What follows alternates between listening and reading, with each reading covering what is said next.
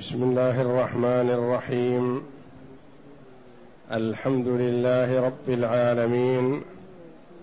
والصلاة والسلام على نبينا محمد وعلى آله وصحبه أجمعين. وبعد. بسم الله. أعوذ بالله من الشيطان الرجيم. ولسليمان الريح غدوها شهر ورواحها شهر وأسلنا له عين القطر ومن الجن من يعمل بين يديه بإذن ربه ومن يزغ منهم عن أمرنا نذقه من عذاب السعير. يعملون له ما يشاء من محاريب وتماثيل وجفان كالجواب وقدور الراسيات. اعملوا آل داود شكرا وقليل من عبادي الشكور. فلما قضينا عليه الموت ما دلهم على موته إلا دابة الأرض تأكل من سأته. فلما خر تبينت الجن أن لو كانوا يعلمون الغيب ما لبثوا في العذاب المهين. في هذه الآيات الكريمات من سورة سبأ. يقول الله جل وعلا ولسليمان الريح غدوها شهر ورواحها شهر جاءت بعد قوله جل وعلا ولقد آتينا داود منا فضلا يا جبال أوبي معه والطير وألنا له الحديد أن اعمل سابغات وقدر في السرد واعملوا صالحا. إني بما تعملون بصير ولسليمان الريح. يذكر جل وعلا في هذه الآيات الكريمة ما امتن به جل وعلا على عبديه ورسوليه داود وسليمان عليهما السلام. وسليمان هو ابن داود كما قال الله جل وعلا وورث سليمان داود ولسليمان الريح أي سخرنا الريح لسليمان. ولسليمان الريح بنصب الريح على أنها مفعول. لفعل محذوف يفهم من السياق ولسليمان الريح ولسليمان سخرنا الريح. وفي قراءة أخرى بالرفع ولسليمان الريح على أنها مبتدأ وخبره الجار والمجرور.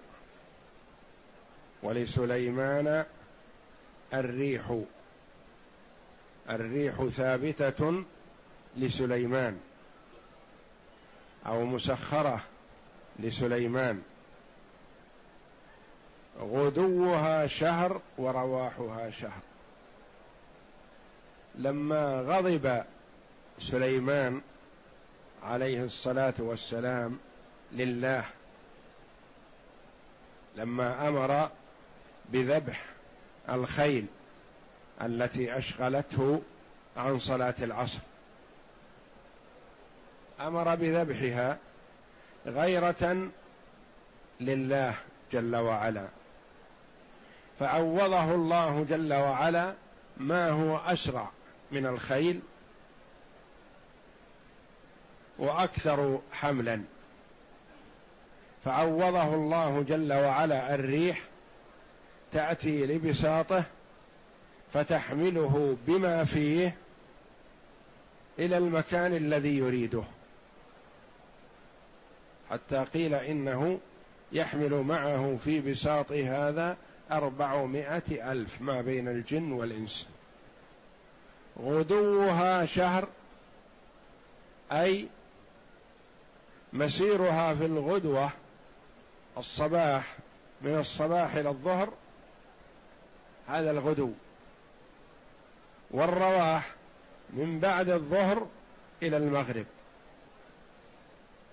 غدوها مسافة شهر للراكب المسرع. ورواحها شهر. فهو يسير باليوم الواحد مسيرة شهرين للراكب المسرع. وهذه نعمة من الله جل وعلا عليه ولم تسخر لغيره.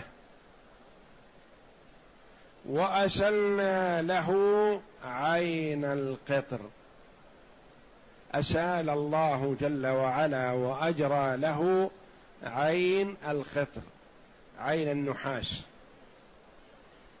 جعلها الله جل وعلا أخرج له عين في اليمن تجري كما يجري الماء من النحاس.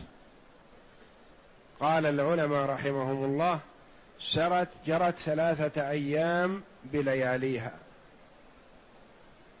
تخرج كما يجري الماء كما تجري العين من الماء. سئل عكرمة رحمه الله إلى أين؟ تجري؟ قال لا أدري. وكان النحاس قبل سليمان لا يستطاع لا بمطارق ولا بالنار ولا بغيرها. فأجراه الله جل وعلا له معجزة له كما يجري الماء. قال المفسرون وما يستعمل من النحاس من ذاك اليوم إلى اليوم هو مما أجرى الله جل وعلا لسليمان. فالنحاس الذي بين يدي الناس الآن من أي مكان أخذ هو مما أجرى الله جل وعلا لسليمان عليه السلام.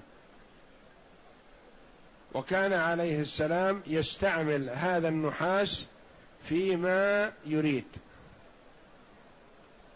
كما ألان الله جل وعلا الحديد لأبيه أجرى الله جل وعلا له عين القطر عين النحاس.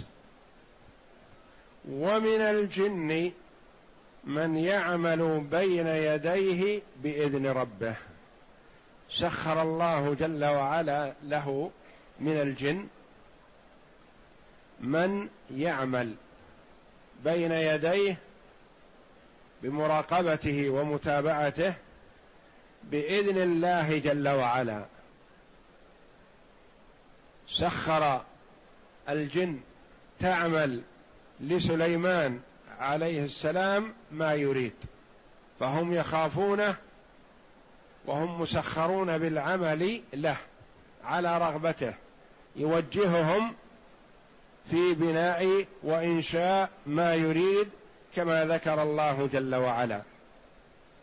ومن يزغ منهم عن أمرنا نذقه من عذاب السعير.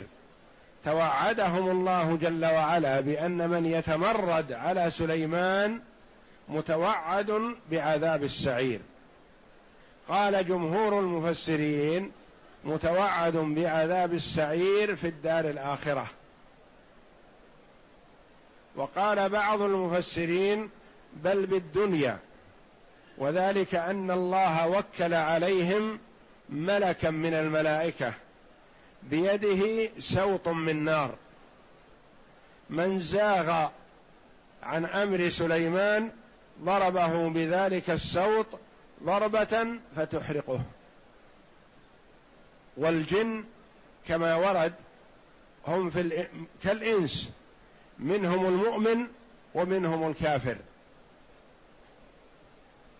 فالمؤمنون كمؤمن الإنس كمؤمني الإنس. والكافر منهم مع كفار الإنس هم الشياطين شياطين الإنس والجن. يعملون له ما يشاء من محاريب وتماثيل وجفان كالجواب. يعملون له ما يشاء يعني هم يعملون بأمره وإرادته وتوجيهه حسب ما يقول لهم يبنون ويعملون.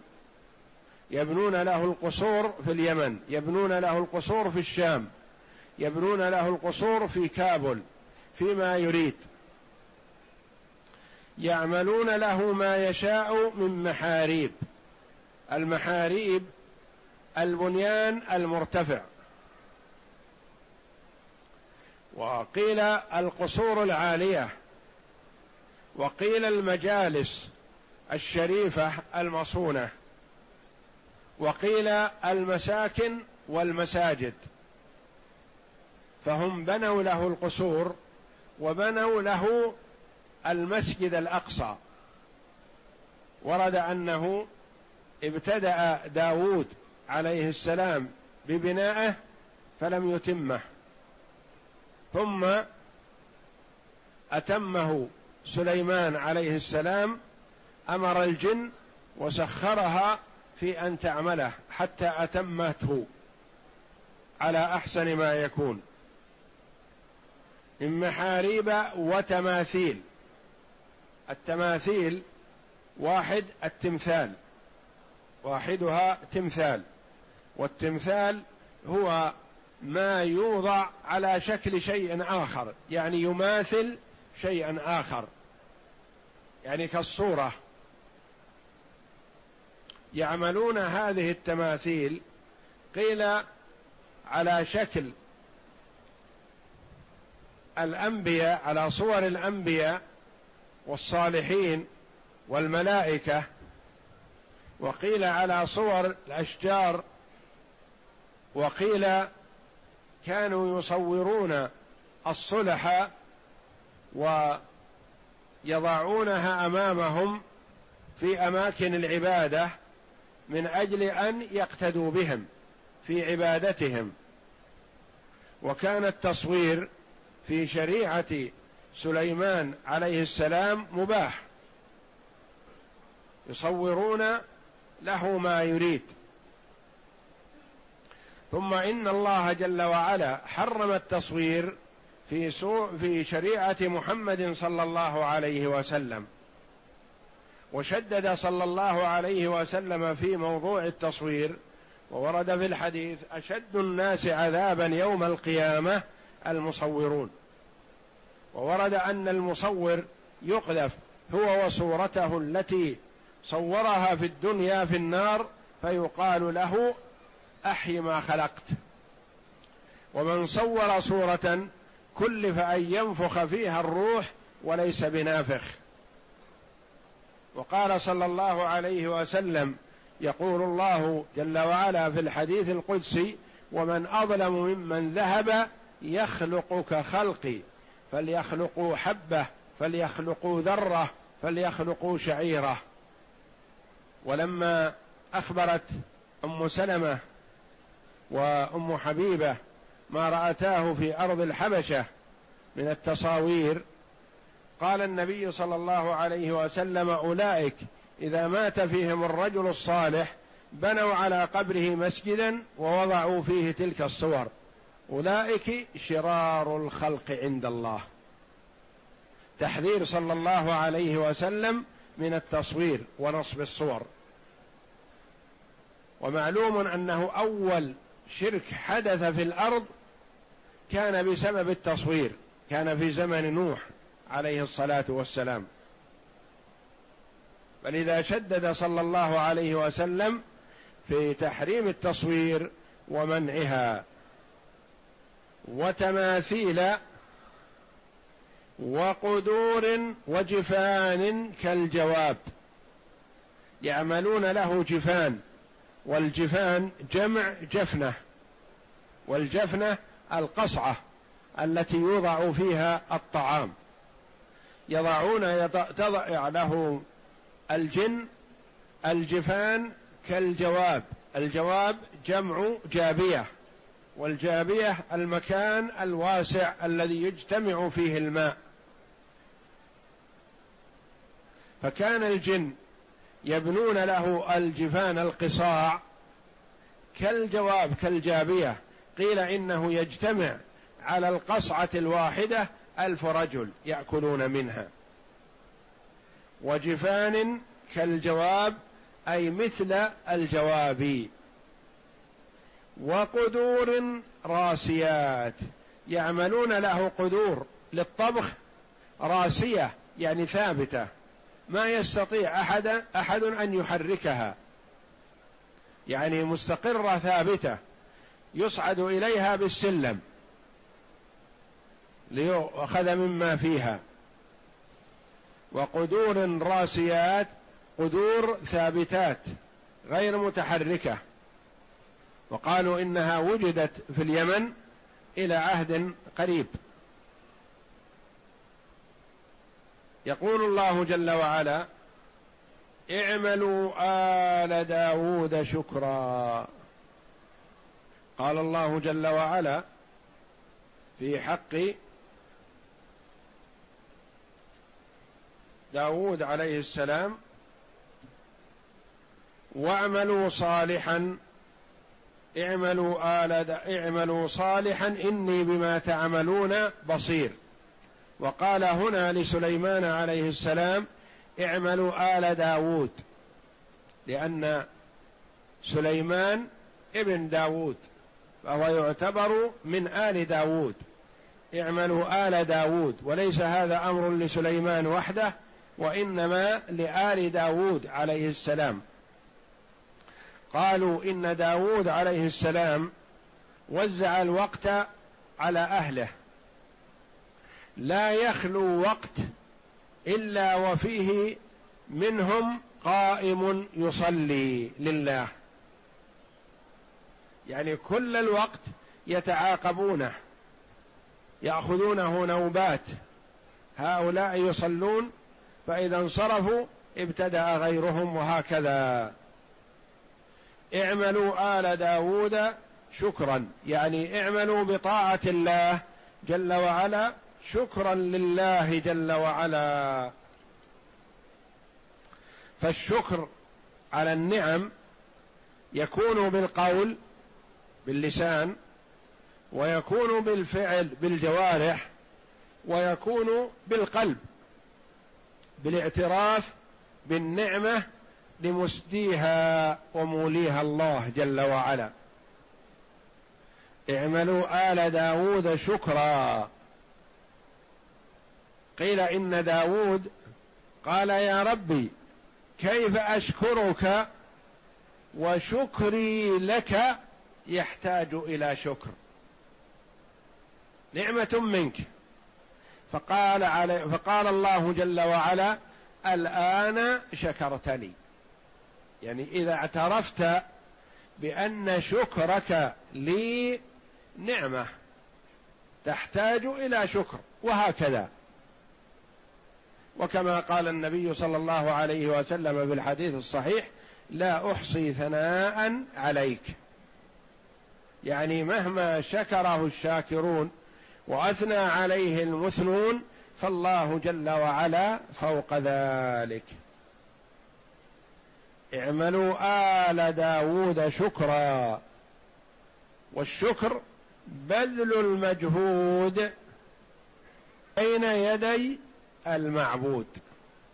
بذل المجهود لله جل وعلا عبادة له وتقربا إليه. ويعتقد العبد بأنه غير قادر على شكر الله جل وعلا حق شكره. مهما شكره فإنه غير موف لله جل وعلا حقه.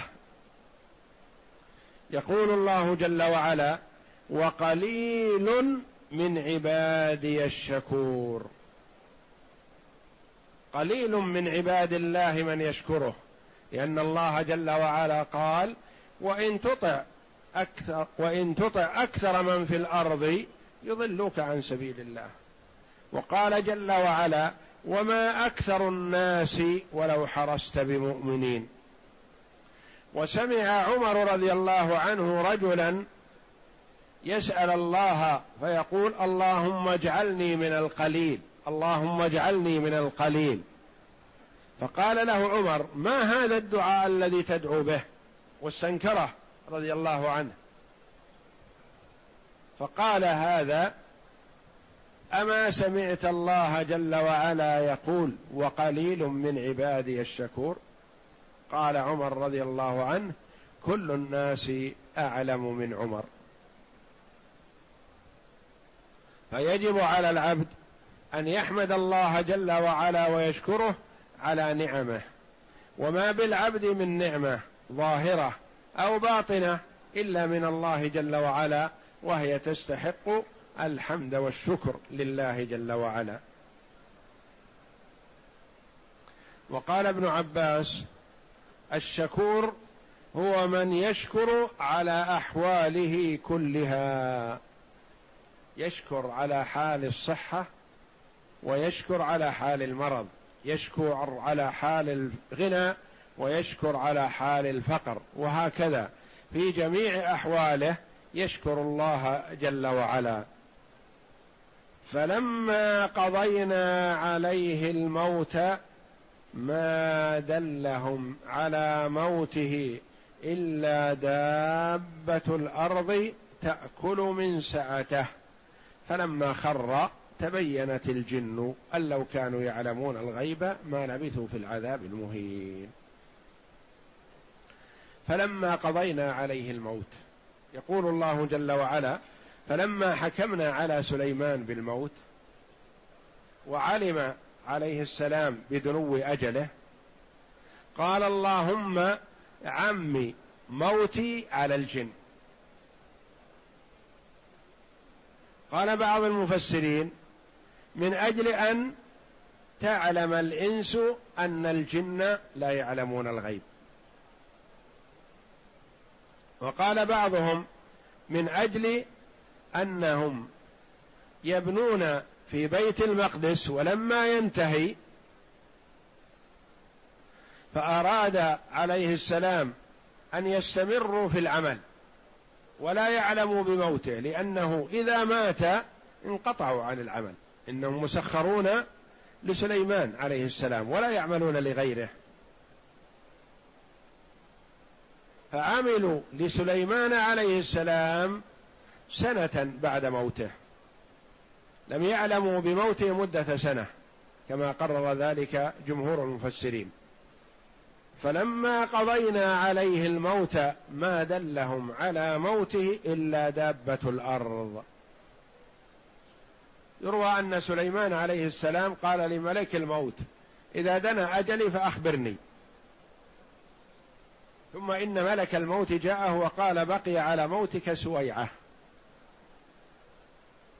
وكان سليمان عليه السلام يدخل في بيت المقدس للعبادة ويأخذ معه طعامه وشر... ويأخذ معه طعامه وشرابه ويستمر. يجلس الزمن الطويل حتى قيل يجلس السنة والسنتين والشهر والشهرين. الفترات طويلة يتعبد في البيت المقدس. والعالم تشتغل له عليه الصلاة والسلام مسخرة من الجن والإنس.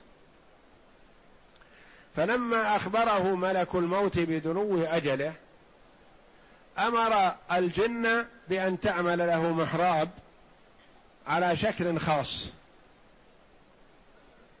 فدخل محرابه هذا وأخذ المنساه والمنساه العصا من الخشب. عصا غليظة. ودخل في صلاته ثم إن الله جل وعلا قبض روحه وهو متكئ على عصاه على هذه المنسأة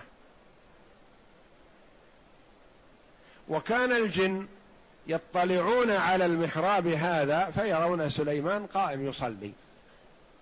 ويعملون بتسخير الله ويرون سليمان يشاهدهم.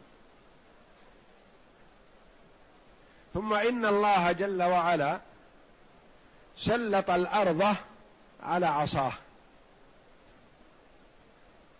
الدويبة البسيطة. فبدأت بالعصا. تأكل. واستمرت فيه لمدة سنة حتى انهار العصا وسقط فسقط سليمان فعلمت الجن أن سليمان قد مات عليه السلام. فعند ذلك شكرت الجن هذه الدويبة الأرضة وقالوا لها لو كنت تأكلين وتشربين لنقلنا لك ما تريدين من الطعام والشراب. وأما الآن فنتعهد لك بالماء والطين أي مكان كنت. والمشاهدة الآن تجد هذه الدويبة الأرضة إذا بدأت في الباب أو في الخشبة أو في ناحية من الخشب تجد الطين. ولا تشاهد شيء يمشي. وتجد طين مبني. مشكل على شكل بويتات. منين هذا الماء وهذا الطين؟ كما قال ابن عباس رضي الله عنه من الجن الذين تعهدوا لهذه الأرض بأن ينقلوا لها الماء والطين أينما كانت. لأنها أراحتهم من العذاب لأنهم كانوا مسخرين لسليمان يعملون العمل الشاق ولا يستطيع أحد منهم أن يزغ عن أمره. ولو علموا بموته لتوقفوا لأنهم يعملون له ولم يسخروا لغيره. فعملوا بعد موته لمدة سنة حتى أكلت الدابة هذه الأرض المنسأة العصا فسقط عليه السلام. ولا يدري الجن متى مات سليمان إلا بأنهم أخذوا الدويبة وأخذوا عصا كعصا سليمان بشكلها وسلطوها على سلطوا الدويبة الأرض على هذا العصا ونظروا متى تستغرقه كم مدة تستغرقه فنظروا ماذا أخذت في اليوم الواحد فقاسوه بالنسبة لما عملته الدويبة في عصا سليمان فوجدوه أنه لمدة سنة أن سليمان مات قبل عام من سقوطه على الأرض. والله جل وعلا يقول فلما قضينا عليه الموت كلوا من سأته هي المنسأة العصا. فلما خر انهارت العصا وأكلتها الأرض فانكسرت فسقط سليمان عليه السلام. وهو واقف كأنه يصلي وهو ميت. تبينت الجن يعني ظهر أن الجن لا يعلمون الغيب. لأن الجن كانوا يموهون على الإنس يقول نحن نعلم ما سيأتي غدا. ونحن نعلم الغيب قبل أن يكون. وكان بعض الإنس يصدقهم. وإلى الآن بعض الإنس يصدق الجن فيظن أن عندهم من علم الغيب شيء. هؤلاء الذين يسألون السحرة والكهان والسحرة والكهان يستخدمون للجن فيخبرونهم بأشياء لا حقيقة لها ولا صحة لها فيصدقهم بعض ضعاف النفوس. تبينت الجن يعني انكشفت وظهر أمرها بأنهم لو كانوا يعلمون الغيب ما لبثوا في العذاب المهين ما استمروا في العمل. مو سليمان عليه السلام مات وهم يمرون به لكنهم من مهابتهم إياه لا يقربون حوله وإنما يطالعونه من بعد. ولو كانوا يعلمون أو عندهم شيء من علم الغيب لعلموا الشيء الحاضر الذي بين أيديهم سليمان ميت وهم يظنونه حي. وعملهم عمل شاق يتمنون الراحة منه ويخافون من سليمان وهو ميت. فلما خر تبينت الجن يعني ظهر لهم وانكشف ظهر لهم وظهر حالهم وظهر للإنس بأنهم لا يعلمون الغيب. وأن الله جل وعلا وحده هو الذي يعلم الغيب. فلو صح ما يزعمونه من أنهم يعلمون الغيب لعلموا بموته ولم يلبثوا بعد موته مدة طويلة في العذاب أي العمل الذي أمرهم به وهو شاق عليهم. قال ابن عباس رضي الله عنهما لبث سليمان على عصاه حولا بعدما مات. ثم خر على رأس الحول فأخذت الجن عصا مثل عصاه ودابة مثل دابته فأرسلوها عليها فأكلتها في سنة. فعلموا انهم مكثوا يعملون لسليمان بعد موته بسنة. وكان ابن عباس رضي الله عنهما يقرأها فلما خر تبينت الإنس يعني ظهر للإنس أن الجن لا يعلمون الغيب لأنهم لو علموا الغيب ما استمروا في هذا العمل الشاق. وأخرج ابن جرير رحمه الله وغيره من العلماء عن ابن عباس رضي الله عنهما عن النبي صلى الله عليه وسلم قال كان سليمان إذا صلى رأى شجرة نابتة بين يديه. فيقول لها ما اسمك؟ تقول كذا وكذا. فيقول لم أنت؟ فتقول لكذا وكذا. فإن كانت لغرس غرست وإن كانت لدواء كتبت. فصلى ذات يوم فإذا شجرة نابتة بين يديه.